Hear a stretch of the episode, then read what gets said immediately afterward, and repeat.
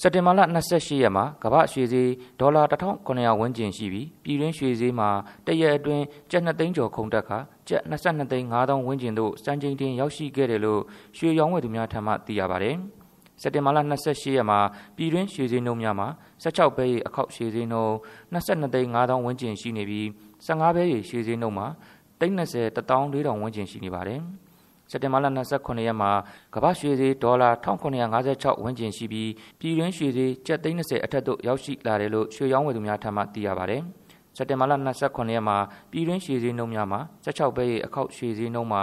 330 2000ဝန်းကျင်ရှိနေပြီး15ဘဲရေရွှေဈေးနှုန်းမှာ18သိန်း9900ဝန်းကျင်ရှိခဲ့ပါတယ်။ဇွဲထက်ရွှေဆိုင်မှာရွှေဈေး330အထက်သို့ရောက်ရှိလာပြီးနောက်ပြန်ဝယ်ဦးစားပေးစနစ်နဲ့ပြန်လည်ဝယ်ယူပေးနေတယ်လို့၎င်းရဲ့ Facebook စာမျက်နှာမှာအသိပေးကြေညာထားပါတယ်။ဒီနေ့ရွှေဆိုင်တွေမှာတော့လူတွေအပြည့်ပဲ တော်တော်များများကဈေးတက်လို့လာပြန်ရောင်းတယ်လို့သိရတယ်လို့စက်တင်ဘာလ29ရက်ကဇွဲထက်ရွှေဆိုင်တို့တွားရောက်ခဲ့သူတူကပြောပါတယ်2016ခုနှစ်မှစ၍2021ခုနှစ်အထိပြည်တွင်းရွှေဈေးနှုန်းစံချိန်တင်ဈေးနှုန်းများအကြိမ်ကြိမ်ဖြစ်ပေါ်ခဲ့ကနှစ်အလိုက်စံချိန်တင်ဈေးနှုန်းများမှာ2016ခုနှစ်အောက်တိုဘာ4ရက်မှာကျပ်6သိန်း3500 2019ခုနှစ်စက်တင်ဘာလ15ရက်မှာကျပ်6သိန်း9800 2018ခုနှစ်စက်တင်ဘာလ20ရက်မှာကျပ်10သိန်း49,900 2019ခုနှစ်ဖေဖော်ဝါရီလ20ရက်မှာကျပ်10သိန်း88,500 2019ခုနှစ်ဇူလိုင်လ18ရက်မှာကျပ်17သိန်း43,500 2019ခုနှစ်ဩဂုတ်လမှာကျပ်12သိန်း39,000 2019ခုနှစ်စက်တင်ဘာ9ရက်မှာကျပ်73သိန်း15,000